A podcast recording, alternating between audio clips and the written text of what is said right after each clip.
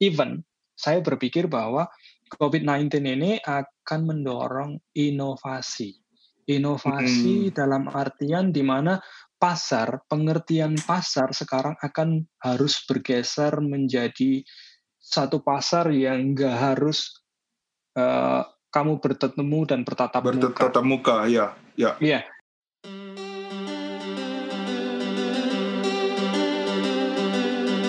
Selamat datang di podcast Outbreak.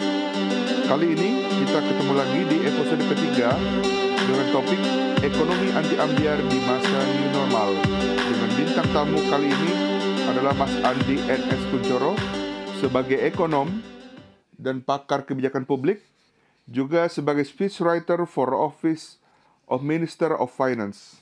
Ya, uh, selamat datang teman-teman survivors, selamat datang di podcast Outbreak punya LK2PK. Kali ini kita memasuki episode ketiga dengan topik uh, ekonomi anti ambiar di masa new normal. Ya, seperti yang eh, teman-teman uh, tahu, diskusi terkait uh, baik terkait kesehatan maupun terkait uh, masa pandemi tidak lepas dari dampak terhadap ekonomi dan uh, belakangan juga uh, ada banyak diskusi terkait dikotomi antara ekonomi versus kesehatan dan seterusnya. Uh, termasuk juga uh, dalam beberapa uh, hari terakhir ini terutama di uh, sekitar awal bulan Juni tahun 2020 kita uh, memasuki uh, masa uh, yang uh, konon menurut uh, baik menurut WHO maupun menurut uh, pemerintah Indonesia sendiri akan memasuki masa new normal. Uh, seperti apa uh, situasi ekonomi uh, selama masa new normal maupun sebelum masa new normal? Hari ini kita akan berdiskusi atau sharing bersama dengan salah satu narasumber ya kalau boleh disebut seorang ahli di bidang ekonomi ya uh, hari ini kita sudah bersama Mas Andi NS Kuncoro halo selamat datang Mas Andi. Halo selamat apa ya? Ini selamat pagi siang sore for everyone yang akan mendengarkan podcast sangat kreatif dan menarik ini Mas Yusri. Iya uh, jadi uh, uh, selamat selamat uh, datang di podcast Outbreak. Uh, Mas Andi, terima kasih atas uh, kesempatannya. Sure, sure. Terima kasih kembali. Nah, sudah memberikan uh, kesempatan saya untuk berbicara di podcast ini. Ya, hmm. uh, sebagai background, Mas Andi Enes Kuncoro, uh, beliau merupakan uh, ekonom dan analis kebijakan publik, ya, dan saat ini bekerja uh, sebagai speechwriter uh, for Office of Minister Mas Andi ya? Ya, betul sekali. Ya, di di Kementerian Keuangan. So for the Office of Minister of Finance. Jadi di di Minister of Finance atau di Menteri Keuangan. Di, gitu. Untuk uh, Menteri Keuangan tentu saja ya. Yes. Mm-hmm. Ya, uh, kalau boleh cerita sedikit latar belakang Mas, uh, latar belakang pendidikan terutama Mas Andi, uh, seperti apa? Oke, terima kasih Mas Yusri. Jadi uh, kebetulan kita beririsan karena Mas Yusri ini adalah jaket kuning, tapi saya bukan jaket kuning karena saya sebenarnya adalah lulusan STAN. Jadi latar belakang saya sebenarnya adalah akuntan. Oh, lulusan okay. dan itu pun uh, akuntan untuk pemerintahan. Ya sebenarnya belajarnya akuntan financial accounting gitu ya. Jadi akuntan yeah. keuangan, akuntan swasta, akuntan publik itu. Karena saya lulusan STAN. Sekolah Tinggi okay. Akuntansi Negara. Waktu itu belum PKN, belum Politeknik Keuangan karena masih di bawah masih belum di bawah Dirjen Dikti gitu ya. Nah, uh, kalau itu latar belakang kesarjanaan saya, lalu habis itu saya sekitar tahun 2016 saya kuliah ke upstate New York uh, di Cornell University. Uh, okay. Makanya dari, dari situ di Cornell University di New York itu saya ada irisan sama Mas Yusri ini karena uh, saya walaupun kuliahnya di New York itu hmm. saya tesis supervisor saya itu atau apa sih dosen pembimbing ya pembimbing, kalau di ya. sini ya. Oh, untuk tesis itu adalah seorang lulusan UI dan merupakan guru besar UI yaitu Profesor oh. Iwan Jaya Aziz gitu. Oh, oke okay, oke okay, oke. Okay, iya. Ya. ya, dan kebetulan beliau itu memang sudah sudah ngajar di Cornell sejak tahun 82-an ya. Maksudnya sudah ada di Cornell sejak tahun 82 dan menjadi profesor di sana. Jadi separuh waktu ada ada di Indonesia, ada di, di ada di US dan kebetulan sekali saya bertemu dikasih rezeki sama Tuhan bertemu dengan Prof Iwan Jaya Aziz. Jadi profesor saya ada dua yaitu Norman Uphoff, seorang yeah. seorang Amerika lulusan dari uh, Princeton, yang yeah. juga profesor di, di di Cornell yang udah lama dan uh, sudah riset di Indonesia itu lama uh, 9 okay. tahun sejak yeah. swasembada okay. pangan. Lalu Baik. Prof Iwan Iwan Jaya Aziz. Oke. Okay. Ya, berarti paling tidak Mas Andi uh, ada rasa-rasa UI-nya sedikit ya? Sedikit. iya, ya. jadi di di Cornell saya belajarnya ekonomi sama Prof Iwan. Jadi okay. sekarang saya menyebut diri saya adalah seorang ekonom gitu. Walaupun dalam hati oh, ekonomis wannabe gitu. Jadi ekonom wannabe. Oke. Okay. baik, baik. Sure. Okay. Sip. Terima kasih uh, Mas Andi atas perkenalannya. Ya, jadi kita masuk ke uh, diskusi barangkali ya sambil uh, santai aja barangkali tidak terlalu uh, kaku uh, nanti sambil uh, ngobrol sambil mengalir aja ya, uh, Mas Andi. Tentu saja, karena ya. ini kan kita di rumah ya, kita work from home and podcast yes. from home, jadinya harus santai gitu kan sambil ngopi, sambil makan snack ya, gitu. Betul, oke, okay. oke. Okay. Ya. Terima kasih. Uh, jadi uh, kita kembali ke diskusi. Uh, jadi kan seperti yang uh, kita sudah uh, sampaikan di awal mengenai ekonomi. Mm -hmm anti ambiar di masa new normal, sebenarnya situasi ekonomi, terutama di, dari sudut pandang APBN di 2020 sebelum uh, pandemi ini uh, sebenarnya seperti apa, Mas Andi? Kan seperti yang mungkin teman-teman bisa baca juga di uh, publikasi tentang APBN ini kan konon fokusnya ke pembangunan sumber daya manusia ya meliputi pendidikan dan kesehatan itu sebenarnya uh, kebijakan eh, APBN ini dari sudut pandang Mas Andi seperti Iya, oke, okay, terima kasih Mas Yusri. Jadi uh, ini saya disclaimer dulu bahwa uh, saya di pendapat yang akan saya uh, apa namanya uh, paparkan di dalam podcast ini, saya tidak mewakili tidak mewakili dari employer saya, yaitu di Kementerian Keuangan. So, ya. saya akan mulai menjawab itu. Pertama, situasi sebelum pandemi sebenarnya for untuk for for apa ya untuk for average emerging market and development yeah. economies uh, development countries itu sebenarnya nggak baik-baik amat okay. itu boleh dikatakan kalau kita berada sedang sedang berada di dalam pesawat Mas Yusri itu uh, sedang ada turbulensi Oh oke. Okay. Hmm. Jadi saya bahkan sebelum saya, pandemi ya, sebelum pandemi. Bahkan sebelum pandemi. Dalam sebelum pandemi itu emerging market itu sudah dalam kondisi goyang atau turbulensi. Hmm. Kenapa saya katakan gitu? Sama seperti kalau di di dunia medis ya, penyakit-penyakit ya. yang yang kayak diabetes gitu ya, sama kayak penyakit yang sifatnya terbentuk karena habit tuh. Ya. Itu sama perekonomian hmm. juga sama kayak gitu. Jadi apa yang terjadi sebelum pandemi tahun uh, 2019-an akhir menuju ke ya. Januari karena kan Januari udah mulai ditemukan apa ya? Ada end of December itu kan sebenarnya udah mulai ini ya. Ada 44 kasus respiratory illness gitu ya kalau nggak salah di Wuhan. Lalu ya, baru betul. tanggal sekitar Januari Januari awal itu minggu pertama kalau nggak salah itu diidentifikasi bahwa penyakit 44 eh, tadi itu 44 kasus penyakit pernapasan itu ternyata disebabkan oleh coronavirus baru dilaporkan yeah. ke WHO lalu kasusnya semakin escalate Januari Februari Februari itu udah ada mulai travel ban tuh mm-hmm. ya kan terus Maret tanggal 12 WHO mengumumkan atau declare a pandemic status. Pandemi betul. Yeah. Uh -uh. Nah, saya bicara dulu kalau ngomongin pertanyaannya adalah sebelum pandemi, berarti saya ngomongin 2019 akhir gitu. Yeah. 2019 akhir itu sebenarnya banyak emerging market situasinya sudah turbulen. Turbulennya bagaimana? Hmm. Disebabkan oleh apa? Satu, karena ini bawaan dari saat krisis-krisis yang terjadi sebelumnya dan konflik-konflik geopolitik. Pertama, okay sebenarnya ini ada beberapa fase. Fase pertama adalah fase di mana uh, dulu dimulai dari global financial crisis tahun 2008. Nah, tahun 2008 itu ekonomi Amerika kita tahu sendiri ada krisis finansial di sana yang diakibatkan oleh subprime subprime mortgage atau pinjaman hmm. ngerti nggak sih kayak KPR gitu loh kalau di sini. Oke. Okay, okay, cuma ya, masa, uh, cuma masalahnya bedanya dengan apa yang terjadi apa apa yang KPR pada umumnya adalah gini.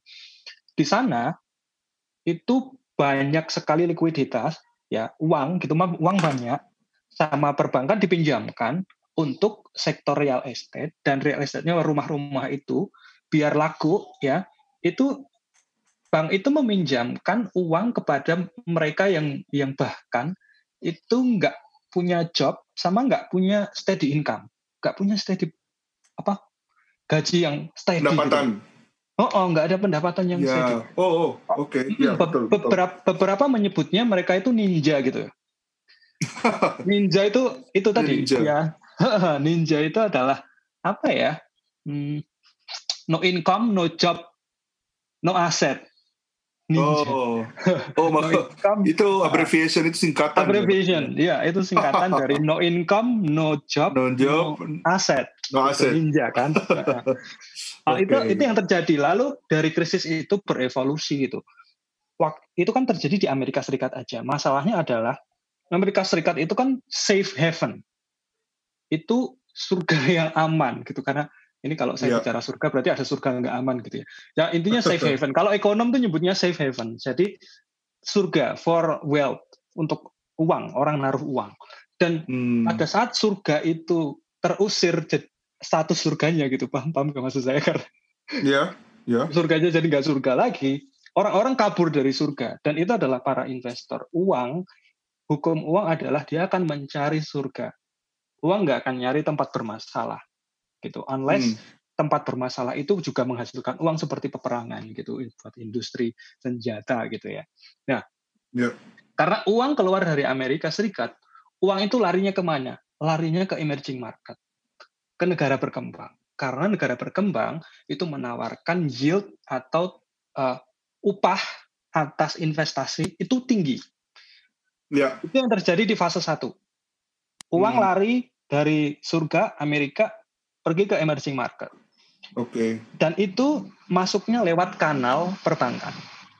Fase hmm. duanya ternyata itu fase gelombang tsunami pertama, gelombang tsunami atas modal pertama. Oke. Okay.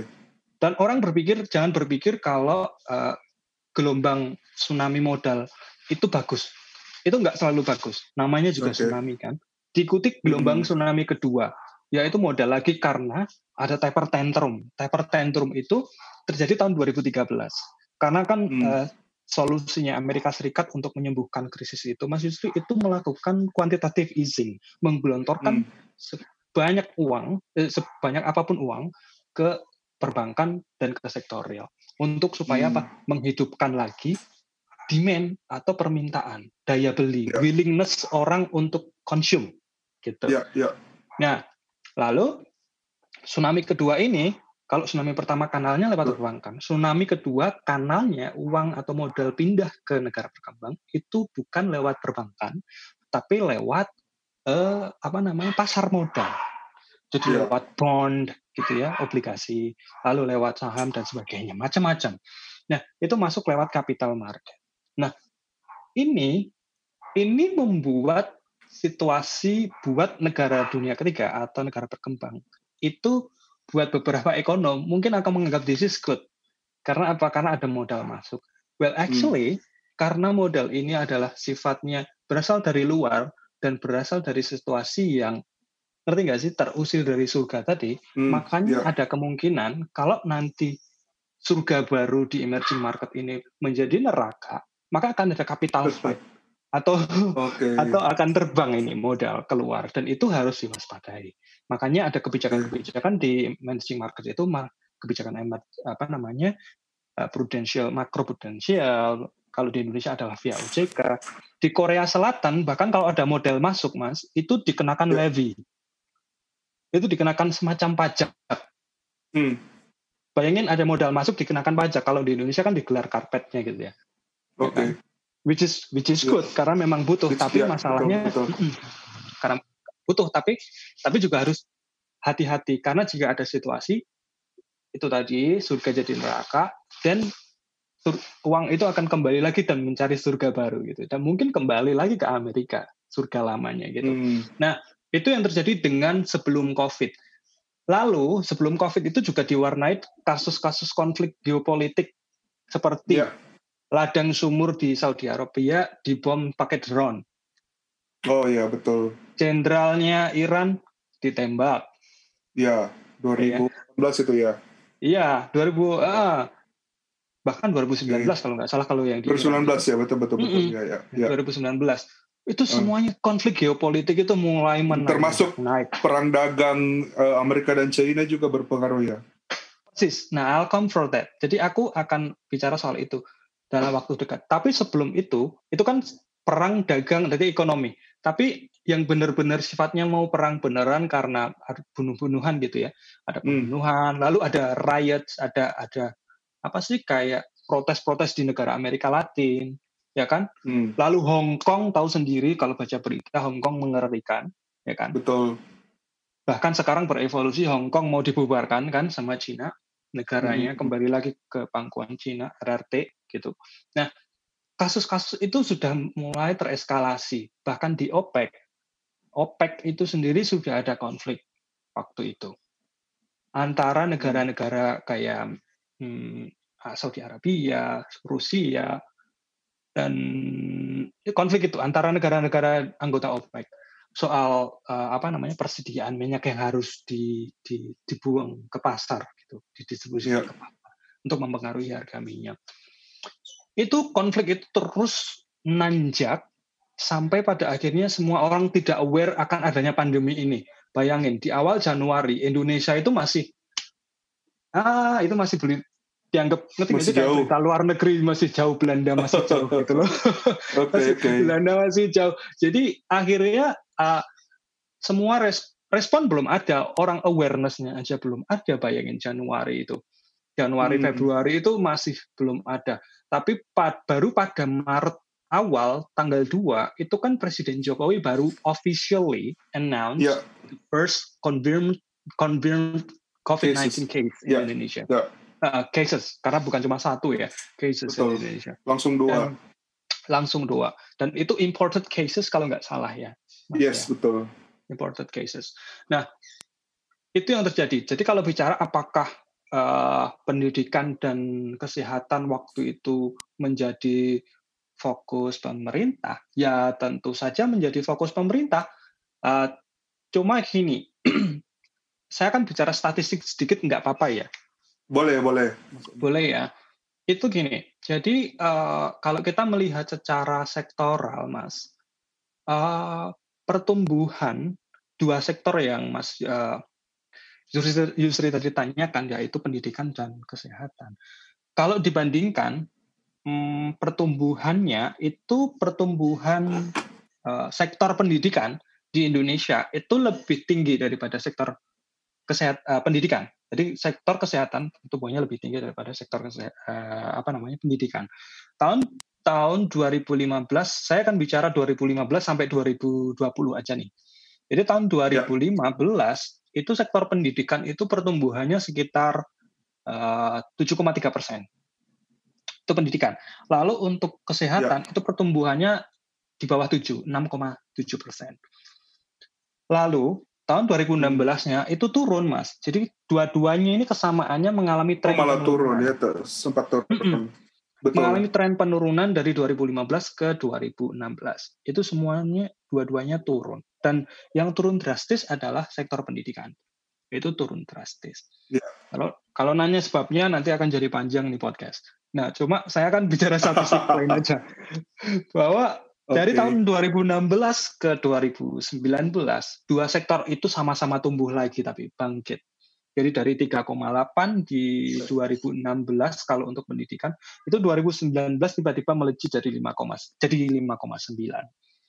Uh, kalau sektor pendidik uh, itu sektor yeah. pendidikan, ya. sektor kesehatannya itu mas itu pindah dari 5,2 persen pertumbuhan tahun 2016 ke 8,2 persen, jadi naik 3 persen untuk tahun 2019.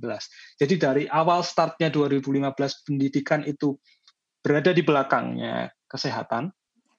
Mm-hmm. Tahun 2019 tiba-tiba sektor kesehatan memimpin. Oh, Oke. Okay. Mm-hmm. Nah, okay. 2020 ini bisa ditebak sendiri kan, bagaimana sektor ya. kesehatan menjadi sektor yang di wow, itu menjadi dasar dari segala solusi gitu. Karena yeah. it's all about it's all about human kan, it's all about biology, it's all about ya. virus. Yeah. Gitu.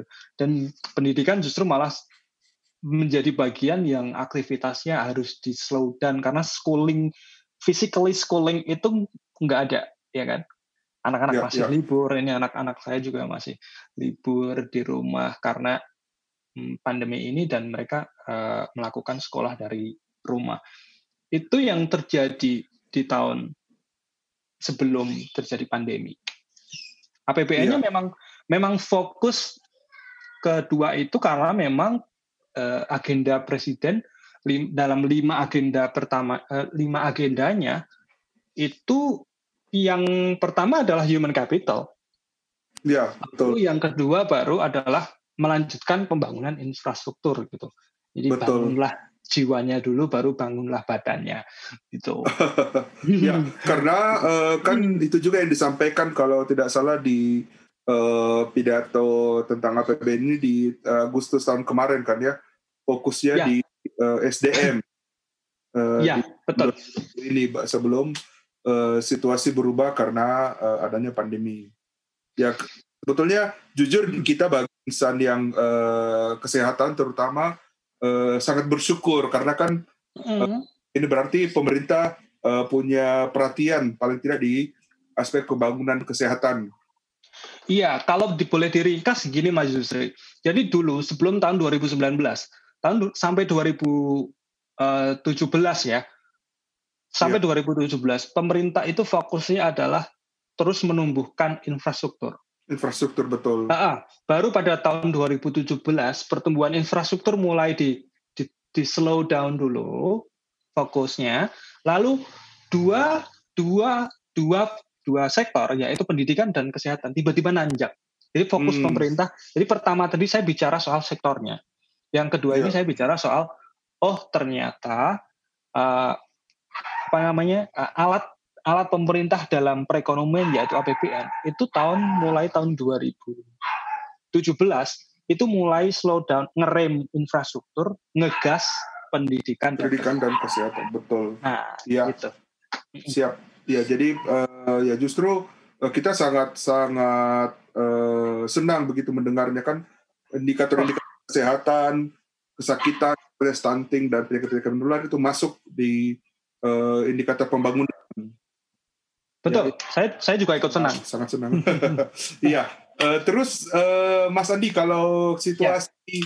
uh, kekinian selama pandemi itu seperti apa uh, sebenarnya situasinya kan uh, kita tahu di di beberapa berita-berita uh, kan ya tentu selain mm -hmm. berita terkait uh, pandemi COVID situasinya. Uh, mm-hmm. uh, kita beberapa kali melihat uh, baik Ibu Menteri Keuangan, Ibu, uh, uh, Bapak Menko uh, itu juga sering menyebutkan tentang uh, kegawatan ekonomi. Jadi uh, mm-hmm. dengan situasi pandemi ini semuanya slow down, tidak terkecuali uh, ekonomi itu juga mm-hmm. jadi slow down. Hmm. Terjadi di mana-mana global. Uh, situasi di kita Indonesia seperti apa dan uh, seberapa uh, darurat sebenarnya? Oke, okay. jadi sebenarnya melanjutkan dari cerita yang tadi sih, karena kan tadi cerita saya adalah sebelum pan pandemi pun sebenarnya uh, situasi global, lingkungan strategi global gitu ya, kalau bahasanya teman-teman yang ada di pecatan gitu. Lingkungan strategis global itu udah mulai uh, apa ya turbulen. Turbulensi nah, ya. ya. Mm -mm, mulai turbulen, mengalami turbulen. Lalu baru pada saat orang-orang aware dengan pandemik, maka pemerintah di segala penjuru dunia ini mau mulai meneng, menerapkan uh, apa namanya containment measure kan, ya enggak? Hmm. Nah, containment measure itu kan uh, ada tingkat stringensinya, ada tingkat keketatannya gitu. Ya. kalau penelitian dari penelitian dari University of Oxford, Mas, itu menyatakan bahwa hampir seluruh dunia itu stringency levelnya atau tingkat keketatan dalam dalam containment virusnya ini itu biru tua. Biru tua itu sangat stringent atau sangat sangat ketat, ketat. sangat ketat. Ya, oh ya ya. ya. Dan Indonesia termasuk negara yang sangat ketat. Itu hmm. Oxford University mengukur pakai 13 indikator dan Indonesia itu tergolong menjadi negara yang uh, skornya 80 sampai 100 atau biru tua dan itu sangat ketat. Oke, berarti setelah saya uh, salah ya, bukan slowdown, mm -hmm. tapi pengetatan ekonomi ya. Belum sampai ke situ, karena kan itu Belum. baru fokusnya, uh, baru kan baru fokusnya bagaimana untuk untuk to to contain the virus dan the contagion hmm. tuh untuk penularannya. Ya, ya. Nah, yang menjadi guncangan buat ekonomi itu itu sebenarnya kalau di di di, di dikupas gitu ya Ya satu pertama adalah COVID-nya itu sendiri, ya. ya kan. Lalu yang kedua adalah containment measure-nya yang respon pemerintahnya itu tadi, gitu. Hmm, hmm, hmm.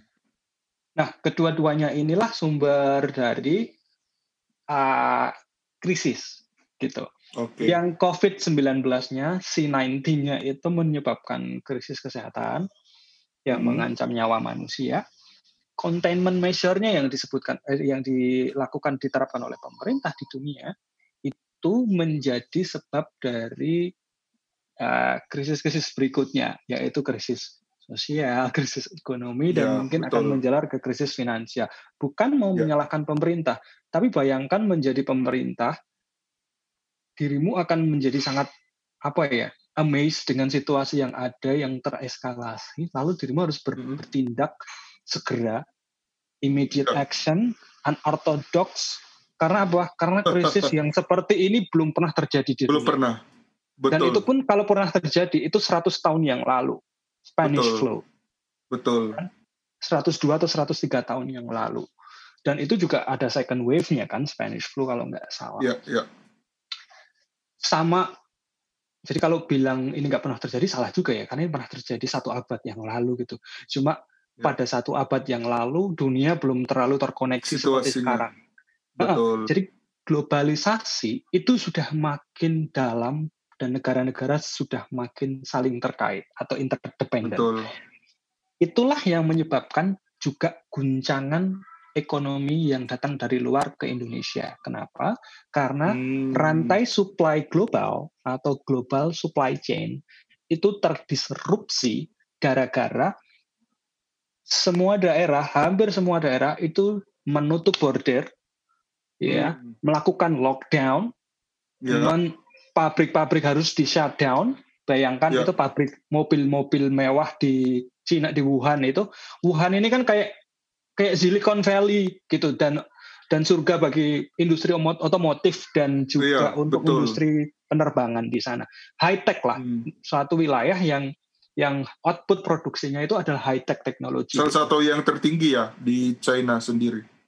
Betul, itu kontributor GDP untuk China dan uh, seluruh China dan Cina Tengah itu besar banget gitu. Hmm, I see. Dan nggak tahu kenapa terjadi di Wuhan. Nggak mau bicara konspirasi gitu ya.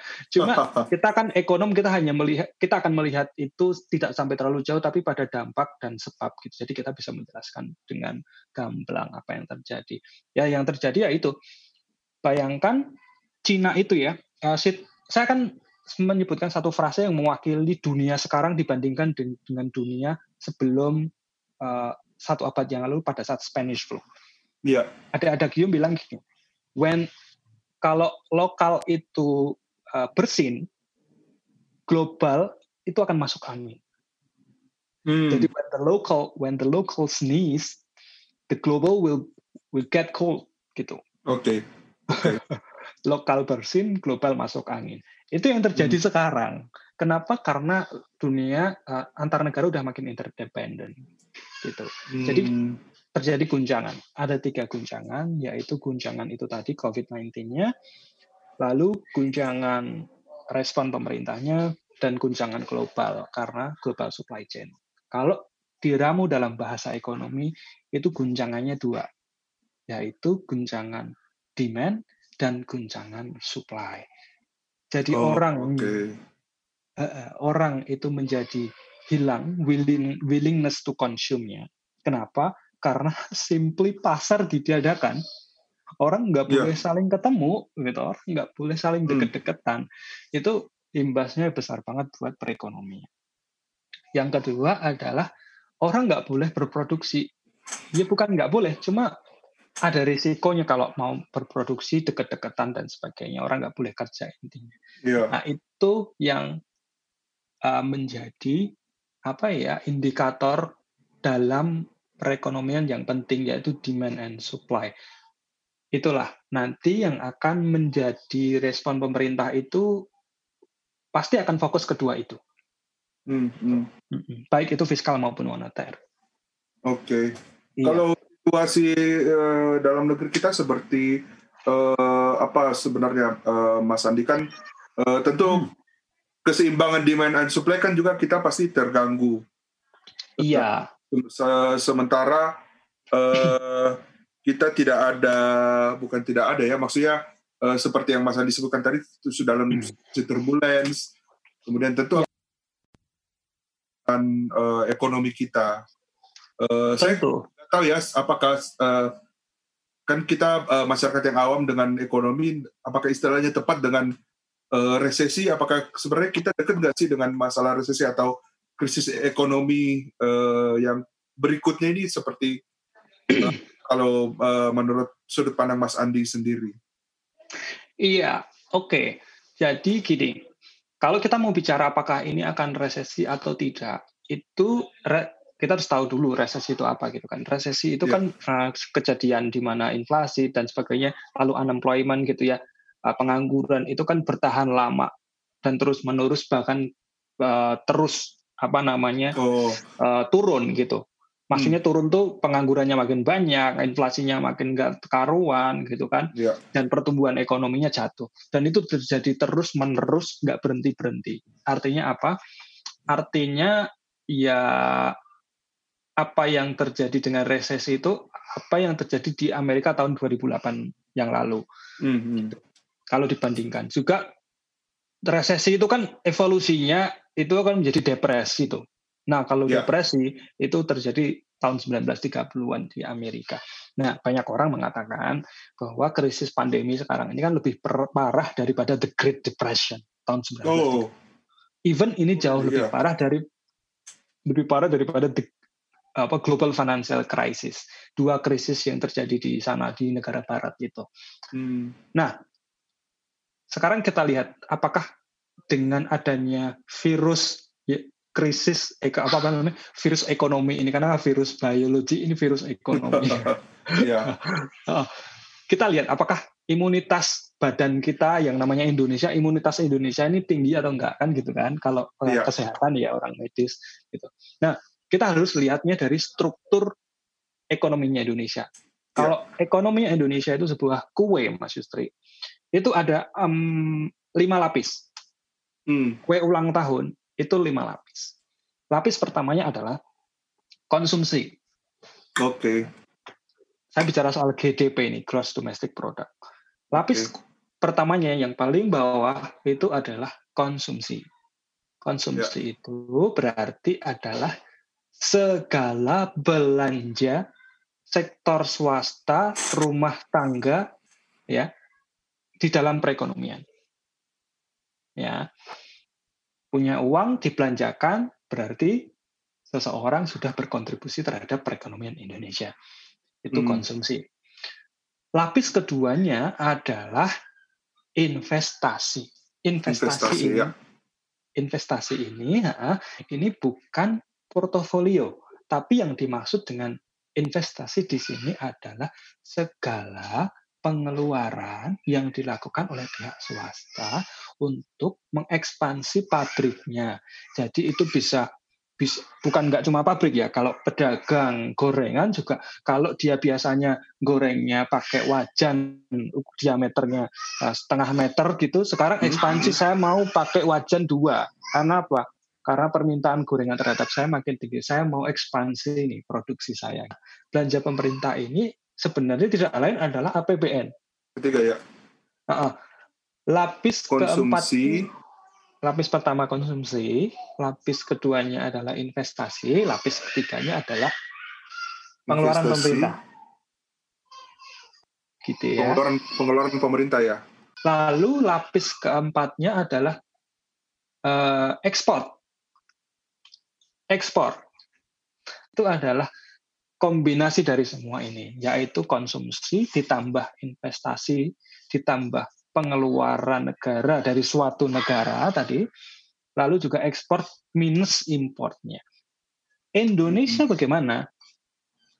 Komposisi Indonesia itu konsumsi itu hampir 60 persen. Jadi sekitar 59,5 hmm. persen lah, segitu. Lapis pertama. Jadi bayangin sebuah kue, fondasinya itu tebal. Sekitar 59,5 5 persen. Ya. Di atasnya tadi yang investasi itu 32 persen. Okay. Ya, itu itu ukuran ekonomi Indonesia. Lalu belanja pemerintahnya atau government spendingnya itu enam setengah persen. Ya, hmm. sedangkan uh, untuk uh, net ekspornya, net ekspornya itu sekitar uh, minus 0,2 persen gitu. Jadi kalau di total itu 100. Nah, itu ukuran kue Indonesia. Kita lihat konsumsi yang dimaksud tadi itu adalah konsumsi domestik. Artinya apa? Artinya perekonomian kita ini ditopang oleh mayoritas konsumsi domestik. Ya. Rumah tangga, ya itu sektor swasta mau pabrik mau perusahaan apa pun itu melakukan belanja atau konsumsi dan itu ekonomi Indonesia ditopang oleh itu dan juga hmm. investasi domestik. Nah kita melihat porsi perdagangan internasional kita itu uh, tidak terlalu besar. Saya tidak mau mengatakan bahwa hmm, kita kurang perform dalam perdagangan internasional bukan. Cuma ini ini uh, syukurlah ya bahwa exposure global terhadap Indonesia itu tidak terlalu besar dalam ya. hal baik itu perdagangan maupun dalam hal uh, ini investasi modal asing hmm. itu. Nah, kenapa saya katakan demikian? Karena gini, hmm, Indonesia itu baru menerbitkan surat utang pertamanya itu baru pasca ini kok, baru pasca apa namanya krisis tahun 98 kok. Itu baru yeah. tahun 2004 kan itu menerbit, menerbitkan surat utang negara itu baru tahun 2004-an. Hmm. Ya walaupun itu porsinya lebih banyak uh, dimiliki oleh orang asing ya baik hmm. dalam denominasi ya, dolar maupun dalam denominasi rupiah itu pemiliknya adalah orang asing itu masih tidak apa-apa karena apa karena tadi kue kita fondasinya 60% adalah uh, konsumsi domestik. Ya, dan konsumsi domestik, pun betul. itu domestik. Makanya kalau dikatakan apa, bagaimana sih ketahanannya Indonesia? Ya kita lihat tahun 2008 walaupun ada krisis finansial global, Indonesia kan tuh enggak turbulen amat, ya kan? Iya. Iya. Nah, enggak turbulen amat. Jadi makanya apa yang terjadi dengan masa pandemi ini? Nah, di masa pandemi ini bedanya adalah ada dua kejutan, yaitu kejutan dari sisi permintaan dan penawaran. Nah, dari sisi permintaan yaitu tadi uh, semua orang menjadi tidak bisa belanja. belanja. Ya, Jadi betul. betul. Makanya konsumsi dalam negeri itu pasti akan berkurang. Ya. ya. Dan itu benar faktanya. Tahun 2019 di kuartal pertama itu pertumbuhan konsumsi dalam negeri itu sekitar 5 persen. Nah, okay. tahun 2020 kuartal pertama yaitu pada saat hot-hotnya pandemi ini di Indonesia hmm. itu turun setengahnya kok. Jadi tinggal 2,6 2,6 atau 2,7 persen. Bayangin langsung ngedrop kan.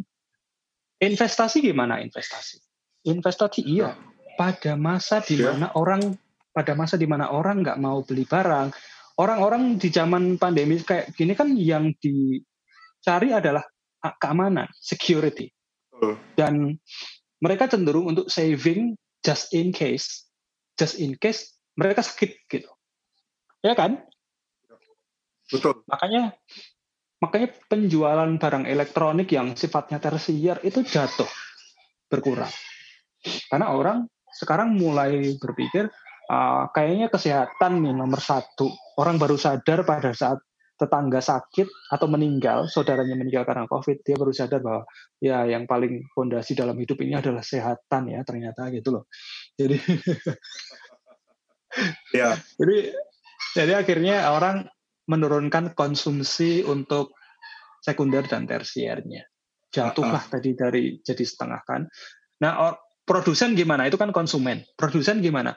Nah, kalau konsumen nggak mau beli, produsen masa mau genjot produksi? Logikanya kan gitu kalau ekonomi ya. Biasa aja Betul. orang nggak ngerti ekonomi aja juga pasti tahu kan. Nah, iya, keseimbangan ya. supply and demand kan. Iya, makanya iya. investasi juga turun tuh. Investasi turun drastis juga loh. Investasi iya. turun dari 5 persen pertumbuhannya kuartal satu menjadi cuma 1,6 persen, 1,7 persen, lebih wow. jatuh lagi. Makanya kan hmm, sekarang tuh pemerintahnya itu kan uh, salah satu programnya adalah gimana membantu atau mendukung uh, dunia usaha gitu, hmm. gitu. Oke, okay. ya. Jadi uh, ya berarti kalau uh, boleh disimpulkan artinya uh, memang memang terganggu dan uh, hmm. kita yang berlandaskan konsumsi domestik ini uh, tentu saja ada uh, terganggu ya tapi uh, menurut Mas Andi sendiri sebenarnya uh, kan uh, di diskusi beberapa uh, bukan di ya di TV-TV juga kan melihat uh, tentu landasan utama atau kejadian pertama uh, pandemi ini kan adalah krisis kesehatan Iya. Kata hmm. dan uh, ya tentu semua akan uh, mengerti juga seperti yang kita bahas tadi bahwa uh, ini akan terjadi uh, krisis ekonomi. Krisis yeah. kan uh, tentu konsumsi uh, turun, termasuk sebenarnya kan uh, terjadi PHK. Ya. PHK beberapa industri uh, perlu pengetatan. Uh, kemudian uh, memasuki masa uh, new normal ini uh, kan banyak orang yang mendikotomi ini krisis kesehatan, krisis ekonomi. Menurut Mas Andi seperti apa? Kalau kita sih dari sudut pandang orang kesehatan uh, tidak setuju sebenarnya ya. Mhm, tidak mm-hmm. uh, karena kalau tidak ada kesehatan ya uh, ekonomi tidak akan jalan. Begitu juga sebaliknya kalau ekonomi tidak baik ya orang tidak mungkin sehat kan ya. iya betul banget itu saya juga setuju karena gini uh, apa yang menjadi apa namanya hmm, paradigma sekarang itu bahwa dua-duanya itu uh, standing standing standing on the, the different ground gitu dan di, yeah. di ruangan yang berbeda uh, in the different room padahal enggak kenapa karena yang gini kesehatan pasti kalau orang berpikir wah kesehatan pasti it's all about human dong gitu. But makhluk yeah. hidup bukan cuma human kan bisa hewan juga gitu, bisa tumbuhan. Anything that that has life, maksudnya they can breathe or uh, you know melakukan reproduksi dan itu human.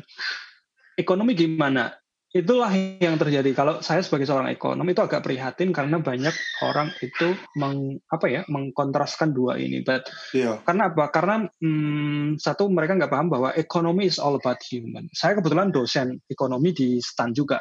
Gitu. Saya yeah. ngajar makroekonomi dan yang selalu saya ajarkan kepada mahasiswa saya adalah that di saat saya buka kuliah that economy is all about human. Kan, hmm. Kalau kita belajar ekonomi, kita itu belajar tentang manusia. Manusia. Mm-hmm. Kita belajar yeah. tentang how they behave, how they yeah. mereka ber, uh, being rational atau menjadi Homo sapiens sapiens karena Homo sapiens itu kan makhluk yang rasional dan bijak. Nah, di situlah mereka akhirnya uh, memutuskan apa akan belanja atau tidak gitu kan dengan kekatatan dompet mereka. Itu kan itu kalau about human, ya hmm. ya enggak? Betul. Nah, jadi betul. kalau kalau melakukan dikotomi itu ya sebenarnya keliru. Keliru karena apa? Ya itu tadi, kalau pabrik-pabrik itu isinya mesin sih nggak apa-apa. Isinya kan hmm. semuanya hmm. bukan manusia. mesin, tapi manusia. Artinya Betul. kalau uh, buruh atau labor itu nggak sehat, mana bisa mereka bekerja. Kalau situasinya itu di luar menakutkan, mana bisa mereka sekolah dan mana bisa mereka uh, bekerja di kantor-kantor dan pabrik-pabrik atau berjualan gitu kan. Sekolah itu kan dalam ekonomi juga sebuah sektor, sektor pendidikan kan. Jadi kan ya, yang betul. dijual adalah jasa pendidikan. So uh, sebenarnya menurut saya nggak ada dikotomi kok. Makanya iya. nggak ada dikotomi. Betul. Walaupun gini, walaupun gini NBER dari National Bureau of Economic itu uh, menghitung trade off. Trade off itu uh, apa ya bahasa Indonesia? Trade off itu tingkat bagaimana kita mengorbankan untuk mendapatkan yang satu dengan mengorbankan yang lain gitu loh. Ada trade off memang antara life and livelihood. Hmm. Gitu.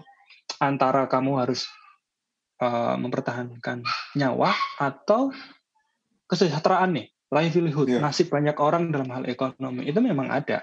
Tapi maksudnya dari penelitian itu enggak gitu. Maksudnya bukan mendikotomikan, tapi memang langkah-langkah yang dilakukan pemerintah di negara mana pun itu pasti akan uh, berada di dua tepi di dua tepi ekstrim yaitu mau menyelamatkan nyawa full manusia dengan korban nol korban jiwa nol karena virus COVID. Ya. Ya. Tapi dengan mengurung mereka seperti dalam penjara full, nggak boleh keluar, nggak boleh, benar-benar nggak boleh keluar. Saya kan bayangin gini, ini agak lucu mas. Titik ekstrim dari titik ekstrim dari pemerintah dalam benar-benar mau korban itu nol ya.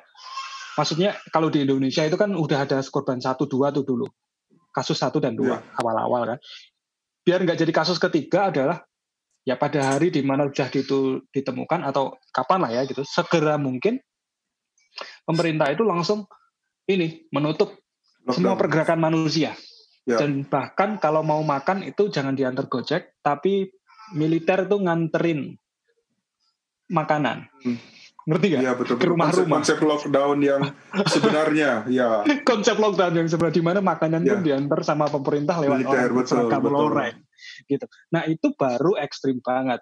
Artinya pasti kalau yang seperti itu ya hmm, korban akan minimum, tapi berarti akan mengorbankan uh, kesejahteraan orang. Karena apa? Berarti transaksi orang, yang di hmm. masa-masa normal pas di pasar tradisional ya ya kan? Di betul. media di mana semuanya di, semua yang akan terganggu betul. akan terganggu gitu. Dan itu lah yang dilakukan sekali pemerintah. Berusaha mengoptimalkan kedua titik ekstrem itu biar berada di tengah. Seimbang. Mm betul. Dan kabar baiknya adalah di antara banyak negara di antara banyak negara dari penelitian Politico Indonesia tuh right in between of those. Uh, I see. Mm -mm. Cina sama uh, Vietnam itu juara. Juara dalam arti uh, mereka minim akhirnya menjadi minim Kasus korban, mm -mm, lalu menjadi ekonominya juga masih baik. Yeah. Masih baik relatif to other countries ya. To other yeah. countries. Indonesia itu in the middle of that kayak Singapura, Singapura oke okay, dia berhasil menangani virus dengan baik, but then di ekonomi itu mereka performanya sangat jatuh. Oke. Okay. Kenapa? Karena Singapura seperti saya bilang tadi tidak seperti Indonesia, di mana uh, kue perekonomiannya, kue perekonomiannya itu itu dibangun dengan exposure globalisasi yang terlalu tinggi. Jadi Betul. Singapura itu negara kecil yang yang nggak kayak Indonesia yang nggak kaya, yang nggak apa, dan penduduknya sedikit. penduduknya sedikit dan sangat tergantung dengan globalisasi dan ekonomi yeah. global. Jadi kalau yeah. luar ada krisis, dia akan Singapura, sangat terpengaruh ya. Pengaruh baik itu untung atau rugi. Karena kan misalnya okay. Singapura ini kan uh, surganya keuangan ya di sana kan, ya nggak? Surganya. Hmm, betul. Sektor keuangan. Jadi kalau misalnya uh, ada krisis di negara mana, orang pasti pingin lari ke Singapura nih, Singapura aman, taruh uang aja di Singapura. Tapi pada yeah. saat ada ada daerah yang lain yang lebih aman di luar Singapura untuk naruh uang, ya yes, iya jadi neraka lagi kan gitu Singapura. gitu. Jadi untung yeah. untung dan nggak untungnya itu jauh banget gitu apa namanya okay. jaraknya tim akan timbang itu sih kalau Indonesia is in the middle in the middle ya iya hmm. uh, berarti ya kalau dari sudut pandang beberapa uh, teman penggiat kesehatan masyarakat juga memandang uh, kebijakan yang dipilih kan uh, ya semi lockdown lah ya kemudian dikenal dengan PSBB ya uh, hmm mungkin sekarang bukan bukan waktu yang tepat untuk mengevaluasi ya, tapi paling tidak beberapa hmm. teman-teman memandang uh, untuk saat ini cukup cukup baik ya. Jadi yang hmm. uh, sektor-sektor uh, yang menopang kehidupan uh, uh, manusia itu tetap bisa jalan, tapi di satu sisi hmm. yang yang uh, lain misalnya seperti sekolah, kantor itu uh, bisa tutup, ya WFA seperti kita kita ini itu uh, ya. untuk menekan uh, penularan uh, si COVID-nya. Iya, yeah, I mean like uh, itu measure yang menurut saya, saya nggak mau, mau mengatakan ini baik atau itu buruk, tapi uh, ya tentu ya fokusnya itu adalah ke people atau ke manusia. Jadi yang pertama harus dilakukan dulu adalah menyelamatkan manusia. Makanya uh, harap dimaklumi kalau misalnya ada ada keketatan measure di mana semua orang harus stay at home gitu kan dan iya. mobilisasi yeah. dikurangi. Masalahnya Indonesia itu kan negara yang sangat kohesifnya tuh dalam Betul. dan tinggi. Dan orang Betul. ada budaya yang namanya mudik, lalu budaya yang namanya ngopi bareng temen, ya macam-macam ya. Iya, betul. Ya, dan betul, itu budaya komunalnya yang sangat tinggi. Komunalnya sangat tinggi gitu dan itu betul, sangat betul. sulit dicegah. Di India kan sama, India kan sama seperti itu dan makanya pemerintah India itu pusing atur warganya karena sangat susah. Makanya kalau kita lihat video kan banyak polisi di India itu pakai tongkat gitu yang itu, itu even, Iya betul like, betul. Ah, saya berpikir kenapa ya hal seperti itu. Maksudnya sama India sama Indonesia ini sama-sama orangnya kohesif. Tapi kenapa di Indonesia nggak perlu tuh orang dipukulin gitu kan? Betul nggak perlu dipulin nggak kayak di India gitu kan Iya kan betul betul iya ya tapi gini yeah. maksud saya gini fokusnya tuh semua tetap ke people saya tahu betapa Manusia, frustasi betul. betapa frustasinya siapa pun sekarang mau itu pemerintah maupun yang nggak pemerintah itu dua-duanya maupun parlemen walaupun warga sipil kayak kita ini pasti sangat frustasi penuh dengan kekhawatiran, penuh dengan ketakutan gitu kan. Tentang apa yang akan terjadi nanti gitu kan. Apakah kita akan mati karena virus ataukah ekonomi kita akan resesi atau apa gitu. Cuma ya memang bukti nyatanya PHK mulai banyak terjadi dan pengangguran diprediksi akan naik di Indonesia. Okay. dan kemiskinan juga akan naik. Kemiskinan. Iya. Uh, ya ya sepertinya memang uh, paling tidak kita bisa tahu bahwa baik ekonomi maupun kesehatan itu fokusnya di uh, manusia ya. Ya. Okay. Betul, fokusnya it's all about people kok, serius. Jadi hmm, percaya deh bahwa semua pembuat pembuat kebijakan itu fokus on people. Mm-hmm. Ya, fokus okay. on people. Ini bukan bukan ngomongin fokus on uh, ngembaliin dunia bisnis korporasi dan UMKM. It's all about people loh ya kan hmm.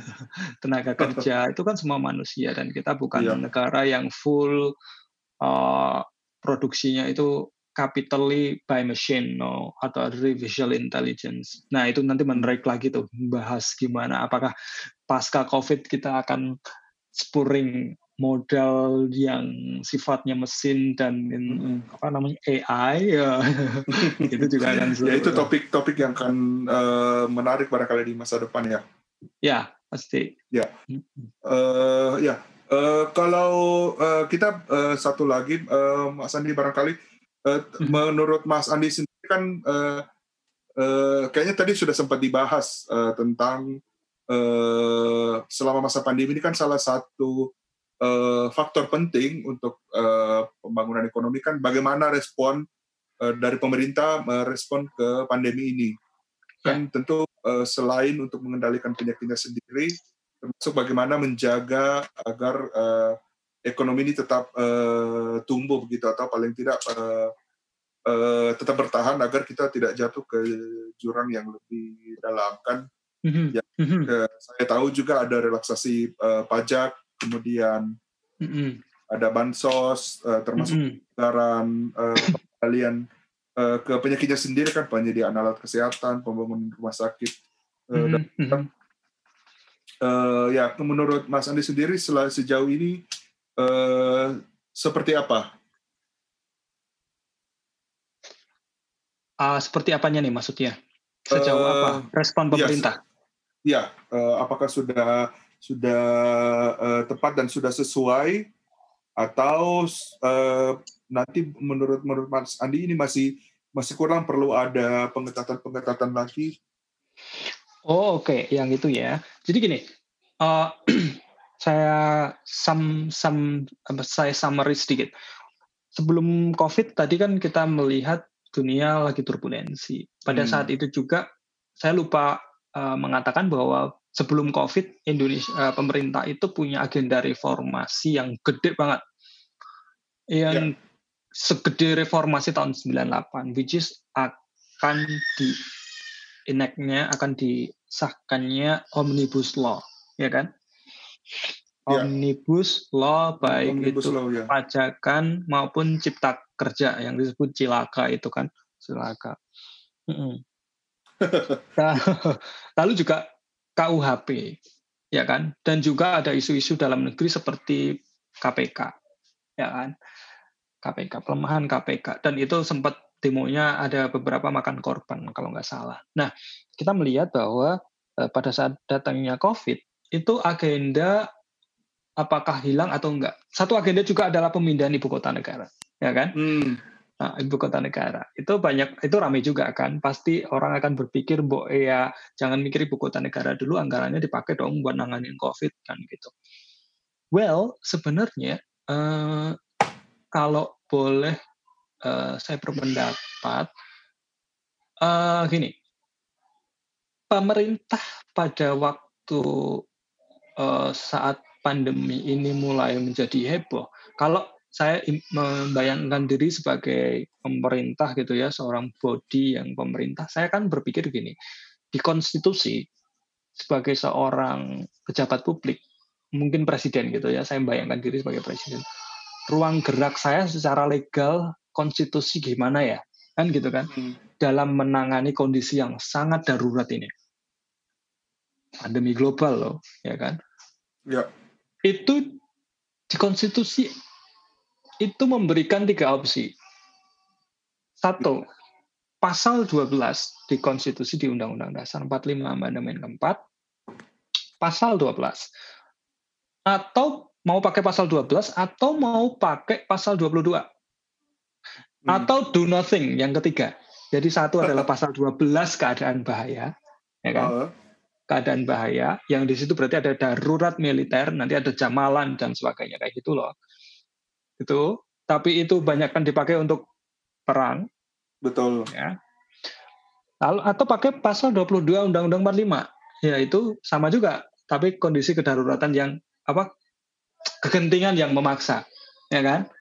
Ya atau yang ketiga do nothing nah ternyata pemerintah dari awal sebenarnya saya udah udah punya alam pikiran itu. Begini ini uh, apa yang dilakukan pemerintah ya dia mau pakai pasal 12 atau 22 atau do nothing kita lihat. Saya nebaknya pakai pasal 22 benar pakai pasal 22 karena apa? Saya yakin uh, nggak mau Indonesia ini di di apa dianggap terlalu diktatur okay. seperti yang dilakukan Filipina mungkin gitu kan nah dari pasal 22 itu kan berkembanglah Perpu nomor 1 tahun 2020 yang heboh Ya. ya kan? Yang di ya, betul, yang, yang, dilap, di, yang dilaporkan oleh ke MK. Uh, ke MK.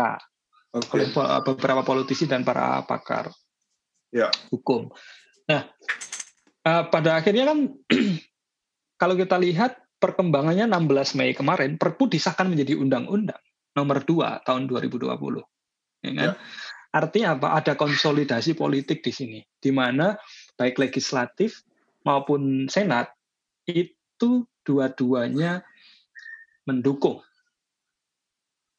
mendukung alat-alat fiskal dan moneter dan juga alat-alat untuk melakukan pendekatan containment terhadap virusnya yang ada di Perpu 1.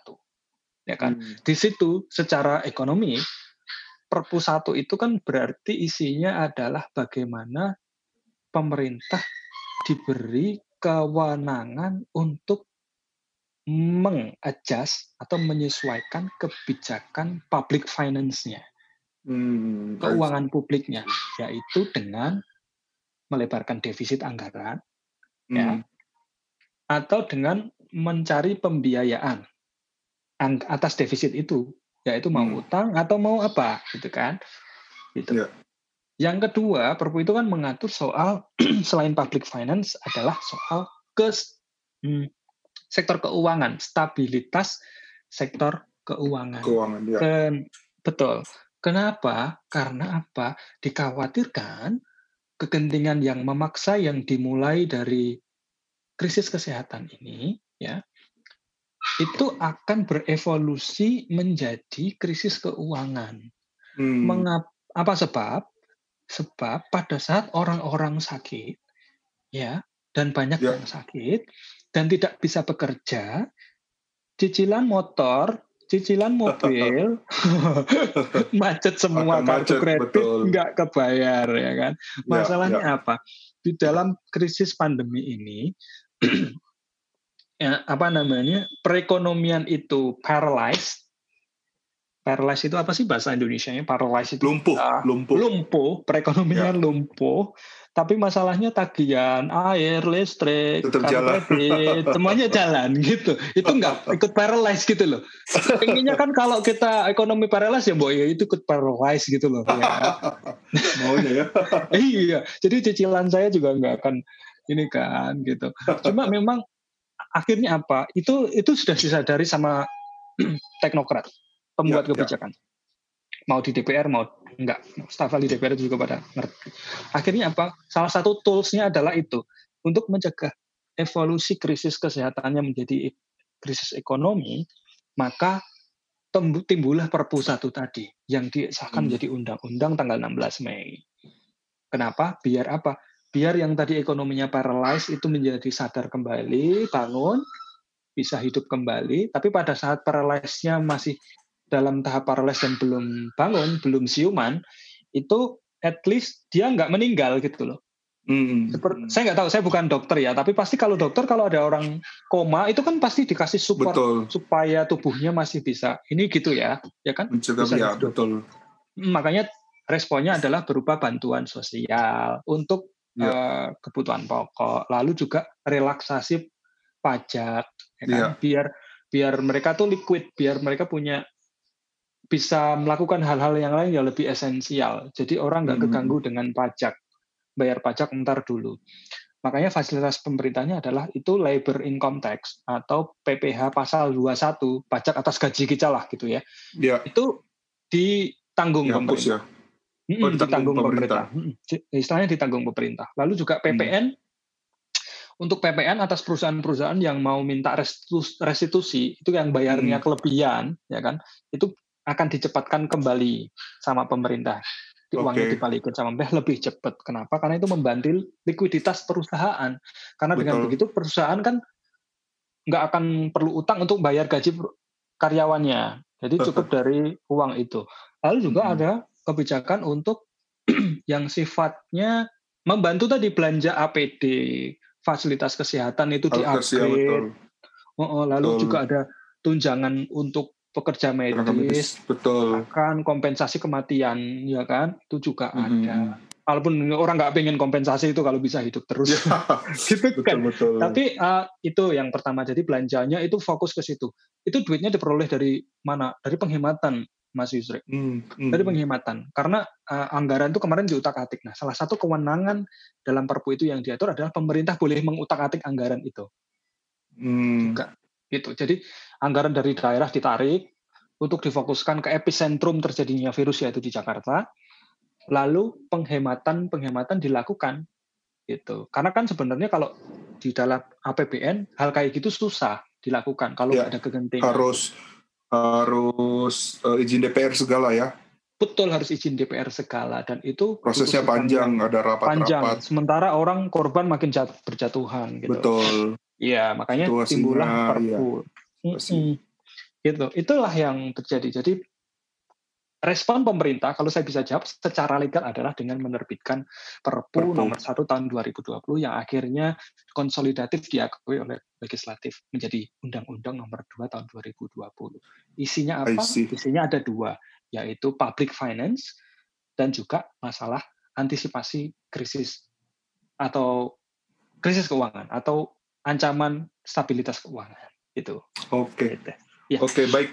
Uh, Ya, mungkin ini uh, sedikit um, sudah masuk ke pertanyaan uh, bagian akhir-akhir barangkali Mas uh, Andi ya.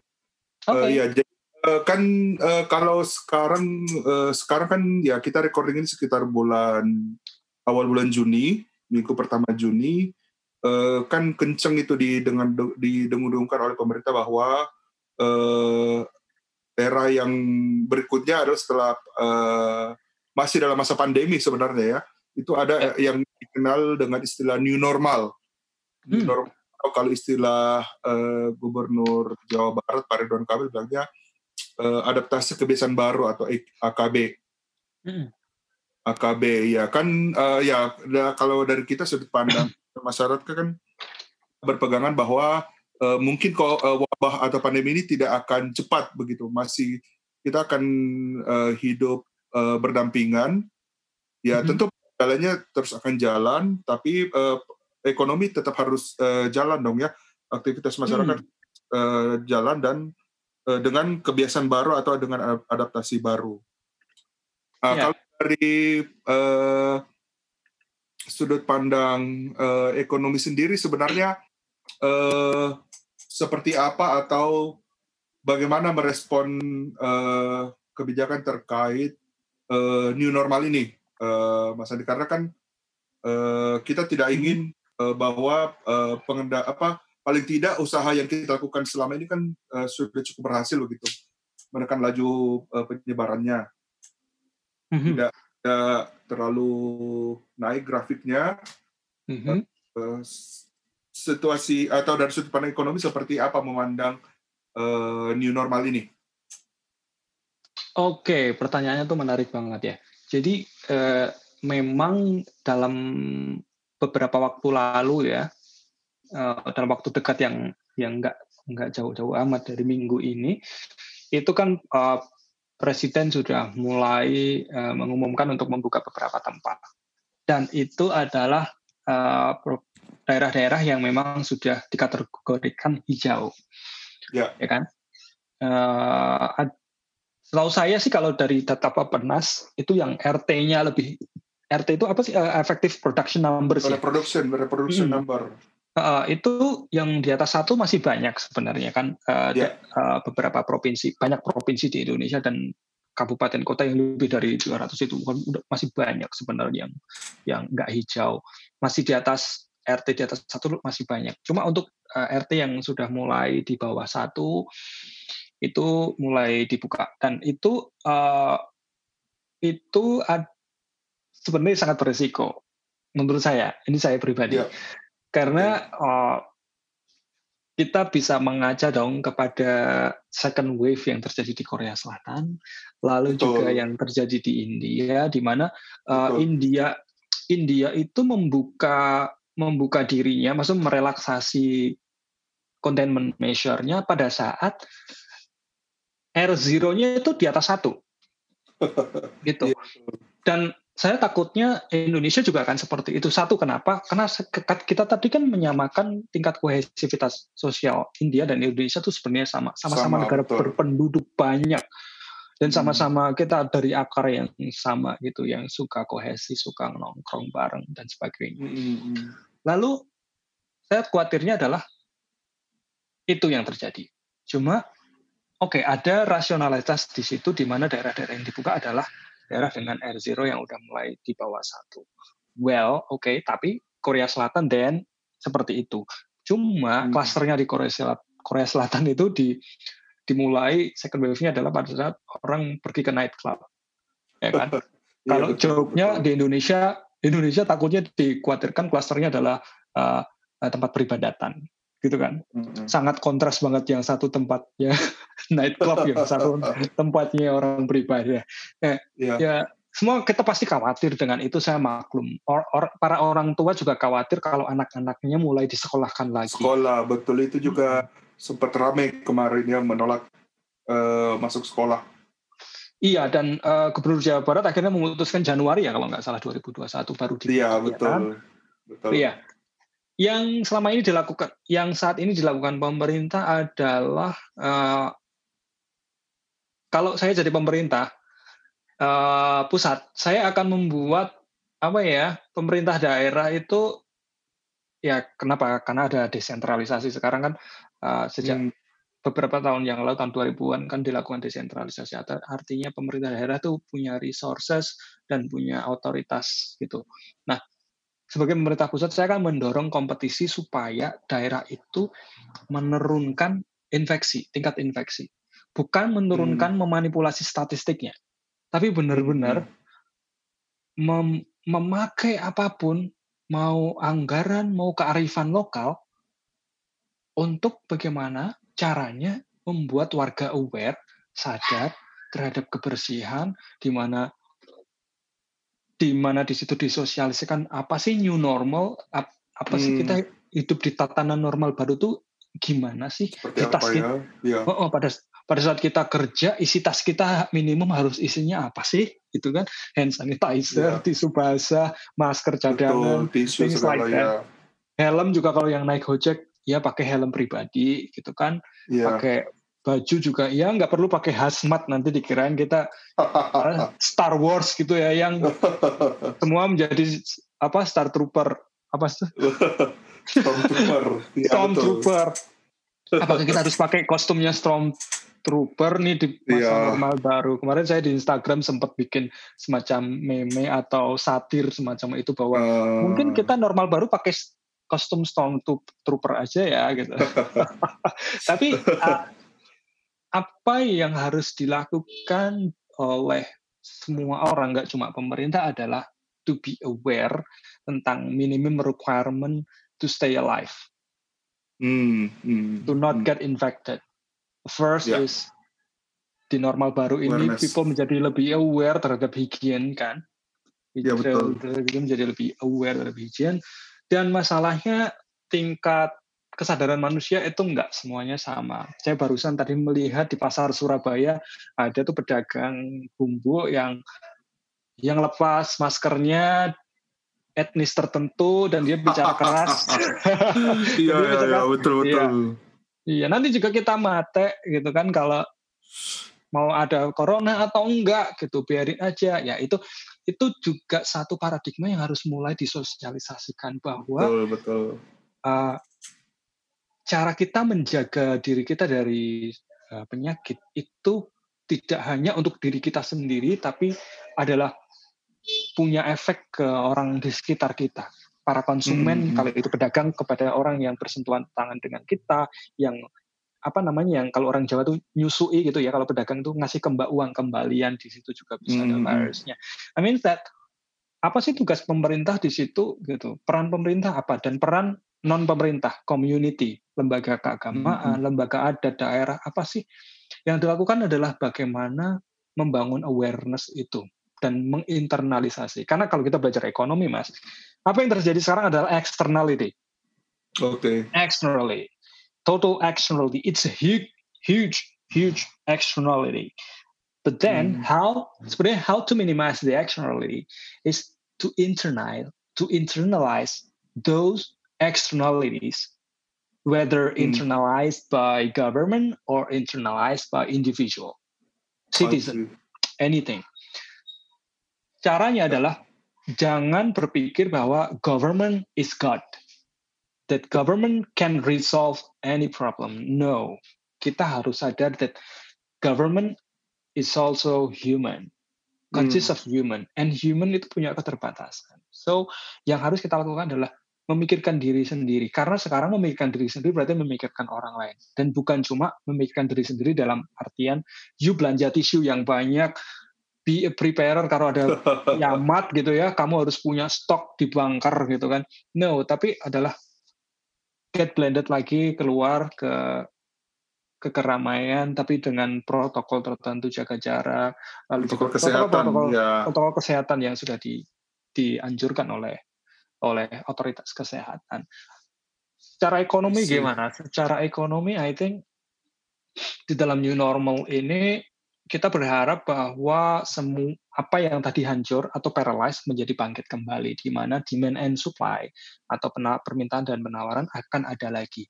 Even saya berpikir bahwa COVID-19 ini akan mendorong inovasi. Inovasi hmm. dalam artian di mana pasar, pengertian pasar sekarang akan harus bergeser menjadi satu pasar yang nggak harus uh, kamu bertemu dan bertatap, bertatap muka. muka, ya, ya. Iya, even kemarin istri saya itu beli bawang putih itu online. And tahu apa enggak? itu harganya lebih murah daripada betul. di offline. Iya, betul mas. Istri saya juga begitu pak. Iya kan? uh, tiap hari uh, ada telepon beli apa sih yang telepon tiap hari tukang sayur.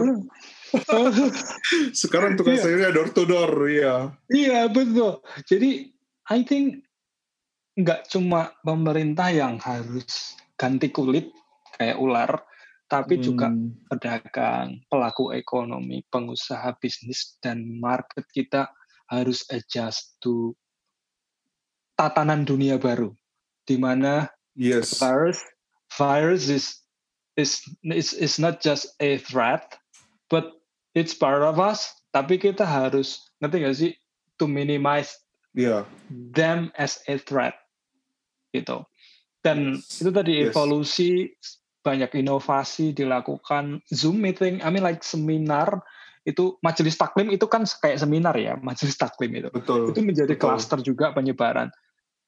Akhirnya ada solusi Zoom. Well, banyak progres yang dapat diperoleh dari apa namanya perang dengan virus ini. Memang gitu hmm. gitu kan, memang hukumnya apa ya? Saya nggak, saya bukan, saya bukan pendukung peperangan.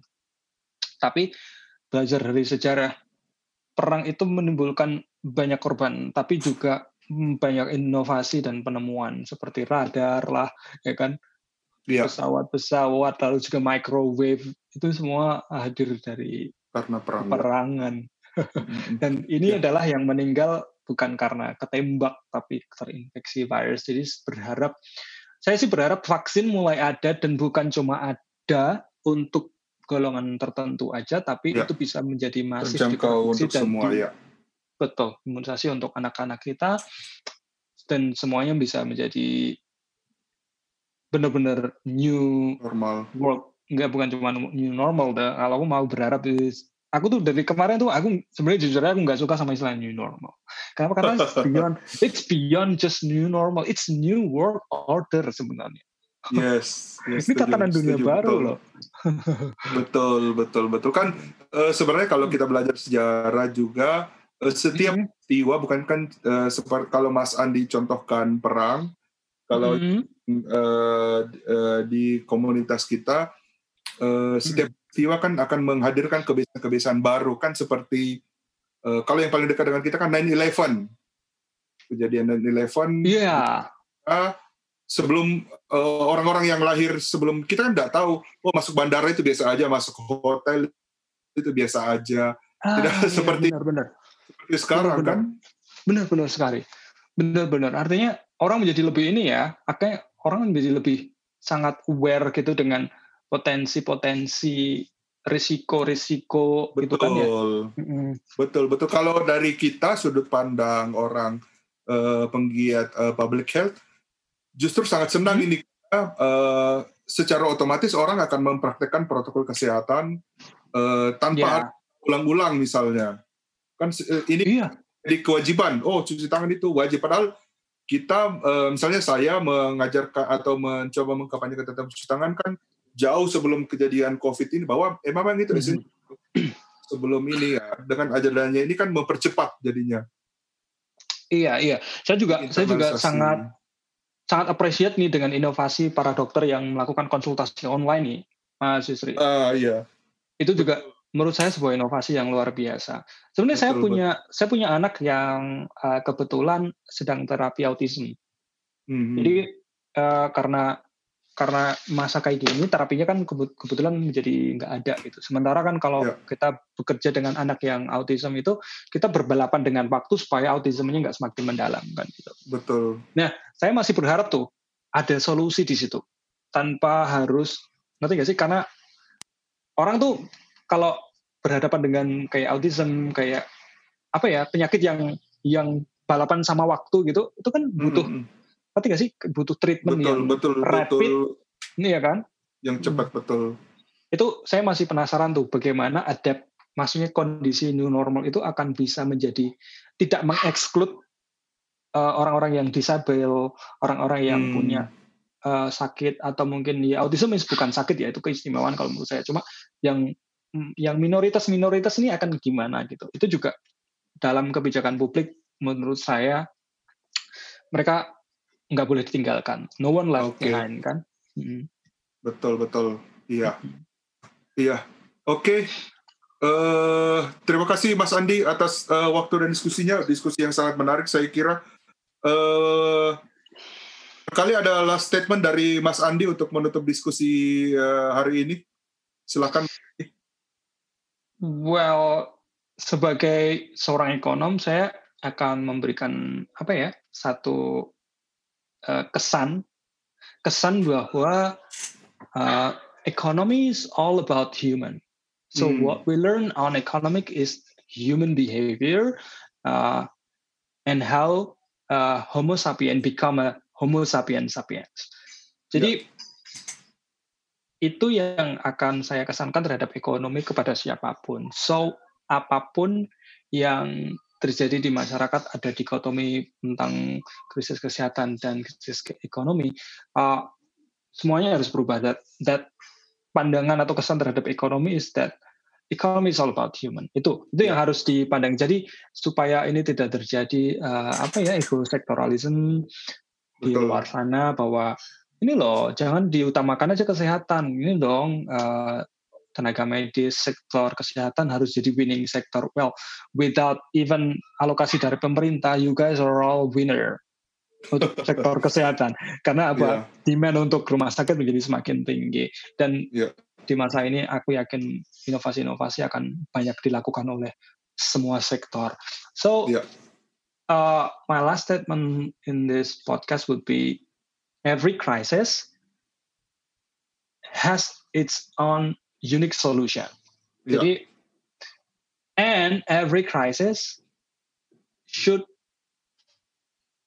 you know, internalize the externalities mm-hmm. imposed by the crisis and the one who should internalize the externalities not just government but all individual whether you're young whether you're old all people harus menjadi shock absorber of this crisis. Menjaga diri sendiri untuk menjaga orang lain dan saya berharap that this warfare, warfare on COVID-19 akan menaikkan solidarity dari kita semua. Karena ya. Indonesia adalah negara yang punya social capital yang sangat besar yaitu kegotong royongan. Ya. Jadi please ya. sekarang defini redefinisikan kegotong royongan dengan definisi bahwa you have to wash your hand, you have to be very hygiene so that kamu bergotong royong supaya tidak menambah statistik kematian dan penularan virus COVID-19. Yes. Itu dari saya Mas Yusri Semoga ya. bermanfaat, luar faedah. ya luar biasa uh, statementnya.